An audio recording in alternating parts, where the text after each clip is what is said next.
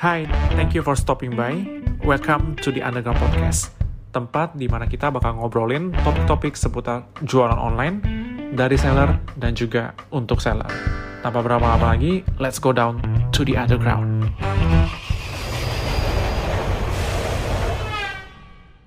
Oke okay, guys, welcome back to the Underground Podcast. Podcast di mana kita bakal ngobrolin topik-topik seputar jualan online dari seller dan juga untuk seller. Ah, finally guys, akhirnya uh, kita balik lagi ngobrol-ngobrol di podcast ini. Gue udah lumayan kangen karena kita habis break kemarin uh, for some reason. Gue sama Adrian break dulu, tapi hari ini gue bersyukur bisa ngobrol-ngobrol lagi di sini. Ya, hari ini gue nggak bareng sama Adrian, tapi tetap shout out ke Adrian buat semua editingnya nanti. Tetap kredit buat Adrian ya. Semuanya bakal kita terima jadi keren pokoknya. Nah, tapi hari ini gue gak sendirian teman-teman. Hari ini gue ditemenin sama salah satu teman gue, one of my close friend. He is also my youth leader. Dan di sisi lain dia juga seorang seller teman-teman, seorang entrepreneur. Wede. hari ini kita mau ngobrol-ngobrol sama teman gue bareng sama Richard Goy.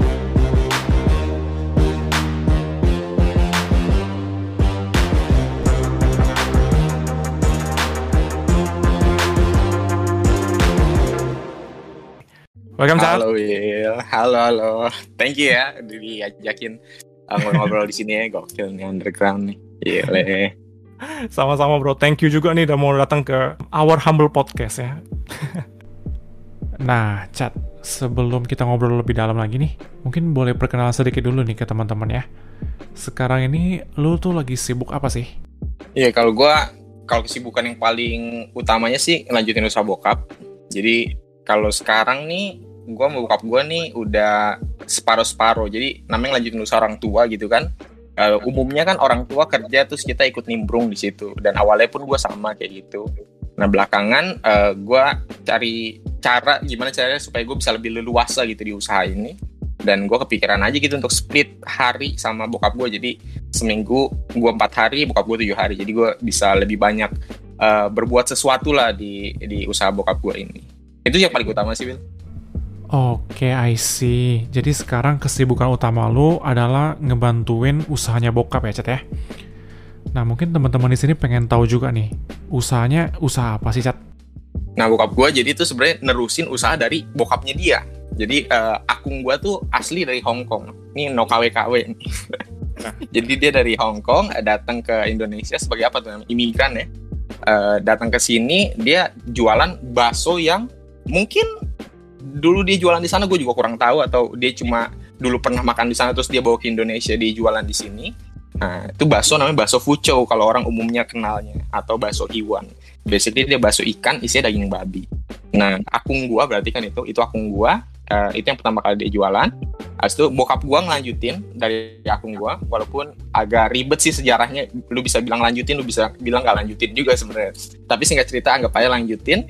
Nah sekarang gua ngelanjutin usaha bokap gua ini. Wah berarti ini usaha keluarga turun menurun dari kakek lu bokap lu bahkan sampai lu sekarang yang megang ya.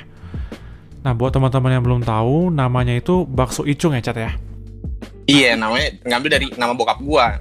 Nah makanya ada orang yang bilang kan katanya dari akung lu, kenapa nggak pakai nama akung lu? Nah itu ah. sejarahnya agak ribet tuh kalau gue ceritain satu episode sendiri nanti takutnya kan. Oh, okay, Tapi okay. intinya pakai nama bokap lah. Gue juga sempat pakai nama lain gitu kan. Gue pikir hmm. karena mungkin karena zaman sekarang gitu kita jadi kepikirannya apa ya nama yang fancy buat sebuah usaha gitu kan. Yeah, yeah. Uh, sempat tuh keluar beberapa nama lah gitu tapi akhirnya uh, ujung-ujungnya jadinya pakai nama bokap. Walaupun sebenarnya bokap waktu jalanin usaha ini sekian tahun nggak pernah pakai merek gitu. Oke tapi pas lu pegang akhirnya lu mulai nge-branding lah gitu ya? Mulai kasih merek iya ya? kak. Mm -mm, karena gue ngerasa branding penting banget gak sih ya kan? Karena gue tuh ngalamin uh, beberapa jadi kita kan sempat pindah-pindah tuh. Dulu kan kita ngontrak tuh pindah dari satu rumah ke rumah lain. Dan karena ngontrak itu kadang kan orang jadi lost uh, nomor telepon rumah kita gitu kan atau alamat rumah kita mereka lost. Dan gue tuh ngalamin ada customer customer tuh yang karena kita nggak punya nama karena kita nggak punya brand baksonya itu tuh gue ngalamin pas customer nemuin lagi nomor kita entah dari mana dia bilang aduh dia bilang ini namanya bakso apa sih? Saya tuh udah lama nyari-nyari nggak ketemu. Nanti dia bilang "Eh, ini akhirnya dibawain sama saudara saya oh ini sama nih yang saya waktu dulu beli gitu. Jadi branding penting banget bahkan sekedar untuk orang bisa nanya eh lu tahu gak bakso icung tuh yang mana atau lu tahu gak bakso icung tuh jualannya di mana lu tahu gak kontaknya gitu penting banget kayak nama lah gitu Iya, iya. Setuju banget kalau branding itu penting banget ya. Nah, tapi sorry sebelumnya Cat. Berarti bakso icung itu basically bukan tipe kayak restoran gitu ya? bukan nah jadi kalau akun gue tuh gue nggak tahu sih dia dulu jualannya kayak gimana tapi kalau bokap gue itu dia tuh jualan ke distributor jadi let's say ada restoran, nah dia supply ke situ, ntar restorannya ngejualin bakso bokap gue gitu. Dia cari restoran lain atau nggak nggak harus restoran juga, kadang malah gue ngelihatnya yang works itu bukan yang restoran, justru yang misalnya bakmi, eh, tapi yang ini ya mungkin yang Chinese kali ya, karena kan babi ya isinya gitu. Nah justru lebih worksnya di situ mereka yang penjualannya lebih bagus bahkan kadang kala daripada restoran dan gue lebih mudah masuk ke yang model kayak gitu cenderungnya daripada ke restoran karena restoran tuh biasanya mantep mereka apa suppliernya tuh. Jadi gue pernah nawarin bakso gue ini waktu harga bakso gue masih goceng Will Oke, nah gue tawarin bakso harga berapa? 5000 terus mau kasih saya berapa? Gue lupa berapa tapi let's say 3000 misalnya. Mereka tuh mereka langsung share sendiri ini ada adalah kalau gue sebut nama restorannya lu tahu gitu. Eh, mereka sebut angka bakso kita modalnya 500 rupiah dia bilang. Gokil. jadi eh, jadi apa kalau ke restoran-restoran yang besar justru mungkin ya mungkin karena suppliernya eh, udah makanya mereka juga pasti mainnya partainya lebih besar lagi gitu ya Ya. Oke. Jadi, berarti bakso icung ini bukan kayak tempat makan atau restoran, tapi lu lebih ke distributor ya, Cat ya? iya bokap gua lebih ke distributor nah gua kalau sekarang sama belum ada tempat waktu itu sempet sih kepikiran kita mau buka tempat tapi untungnya kita nggak jadi buka waktu itu karena ternyata tiba-tiba corona tuh Nah, eh, kalau sekarang akhirnya selain ke distributor, kita ke retailer sejak gua mencoba meneruskan usaha bokap. Ya, wah. Sejak lu masuk ini nah, makanya mulai ada packaging yang baru ya, Cat ya. Terus mulai apa online-nya juga lebih aktif, Instagram lebih aktif dan lain sebagainya ya, Cat. Oke, kalau itu sekilas tentang bakso icung teman-teman. Jadi ini 100% halal, tapi Itu. yang untuk yang boleh makan babi ya teman-teman ya. Ini Yuk. disclaimer dulu nih. Jadi itu itu sengaja tuh gue tulis di bio tuh karena itu keresahan gue juga, Will. Kadang Gimana? gimana ya maksud gue? Karena menurut gue halal haram itu tergantung kepercayaan masing-masing ya. Jadi dari sanalah muncul lah itu ya tagline ya Iya. mungkin ya. Iya. Oke, tapi itu pas gua tadi ulik ya gue lihat gue cek wah ini ini ini bahasanya bahasa Richard sih ini. Oke, itu tadi sekilas tentang usaha yang lagi Richard lanjutin dan juga jalanin sekarang, yaitu bakso icung, teman-teman. Nah, sekarang kita pengen lanjut ngobrol nih, Chat. Sekarang gue pengen nanya lo, gimana cerita atau pengalaman lo selama lo ini ngejalanin usaha keluarga? Nah, kalau gue boleh tahu berarti lo ini dari kampus selesai langsung terjun di bakso icung ini ya, Chat ya? Iya bisa bisa dibilang gitu. Gue gue sempet sempet sih ngerjain hal lain cuma nggak bisa disempet nggak bisa dibilang ngerjain juga karena iseng-iseng doang. Eh gue dari SMA bahkan Will sebetulnya udah dibilang bahwa chat nanti kamu yang bakal nerusin usaha apa gitu. Gue tiga bersaudara, engkau gue nggak mau ngelanjutin. Eh enci gue karena cewek nggak tahu kenapa jadi dibilang kan cici cewek masa cici yang lanjutin? Nah gue nggak tahu eh, apa namanya latar belakang perkataan itu apa gitu tapi itu yang sering gue denger cici kan cewek kok nggak mau? Akhirnya gua dan gue sih mau mau aja saat itu gitu. Jadi dari sejak SMA tuh gue udah dikasih tahu bahwa gue yang akan lanjutin usaha bokap. Oke, jadi dari tiga bersaudara, lu yang dipercayakan buat ngelanjutin usaha bokap ini ya. Nah, ngomong-ngomong soal ngelanjutin usaha keluarga nih, banyak yang bilang kalau ngelanjutin usaha keluarga itu enak gitu, Chat. Atau bisa dibilang ini semacam privilege, karena nggak semua orang bisa ada di posisinya lu saat ini. Nah, apakah benar ngelanjutin usaha keluarga itu semuanya serba enak nih, Chat? Atau ternyata ada tantangan-tantangan tersendiri? Nah, menurut pandangan lu gimana? Iya, jadi tadi kan gue bilang kan bahwa gue dari SMA udah dikasih tahu bahwa gue yang akan lanjutin usaha bokap dan gue mau mau aja. Kenapa? Karena itu juga yang ada di pikiran gue, Will sebetulnya. gue pikir ngelanjutin usaha bokap, ngelanjutin usaha keluarga tuh ya enak lah gitu. Nggak tahu ya. Waktu SMA gue mikirnya tinggal terima duitnya doang mungkin. mungkin pikiran gue cuma jadi bos tuh ngapain sih gitu kan. Eh, jadi sama dulu gue juga pikirnya ah ini udah enak banget dan gue sempat mikir walaupun gue sempat mikir gitu kenapa kok gue nggak mau gitu kan begitu gue udah mungkin karena kok gue udah lebih lebih lebih lebih lebih tua juga saat itu kan. Makanya dia nggak mau karena dia tahu uh, sisi nggak enaknya ngelanjutin usaha orang tua itu. Nah gue di sisi lain masih SMA dan gue pikir ya enak-enak aja lah gitu. Nah sekarang kalau lu tanya enak gak gue nggak bisa bilang gak enak juga. Takutnya dibilang gak bersyukur. Jadi kalau gue sebut gue rasa sih semua pekerjaan lah. Either lu ngajuin usaha orang tua lu either lu bangun usaha sendiri either lu kerja di kantoran gue rasa semua sama. Ada enaknya ada nggak enaknya sih. Gitu aja sih Will yes gue setuju banget sih nah Cat kenapa gue tadi bisa nanya kayak gitu soalnya dulu gue juga pernah ngalamin uh, ngejalin usaha bareng bonyok gue gitu cuma mungkin yang ngebedain uh, at the end gue masih di industri yang sama cuman gue akhirnya bikin merek toko gue sendiri Nah tapi pas gue ngejalanin usaha ini barang bonyok, yang gue rasain ya, mereka itu seperti udah punya pola kerjanya mereka sendiri gitu. Udah punya sistemnya gitulah. Nah, jadi pas gue mau kasih usulan buat misalnya masuk ke digital, atau misalnya pakai tools-tools yang lebih kekinian gitu ya. Nah, itu kadang-kadang agak susah aja gitu, Cat.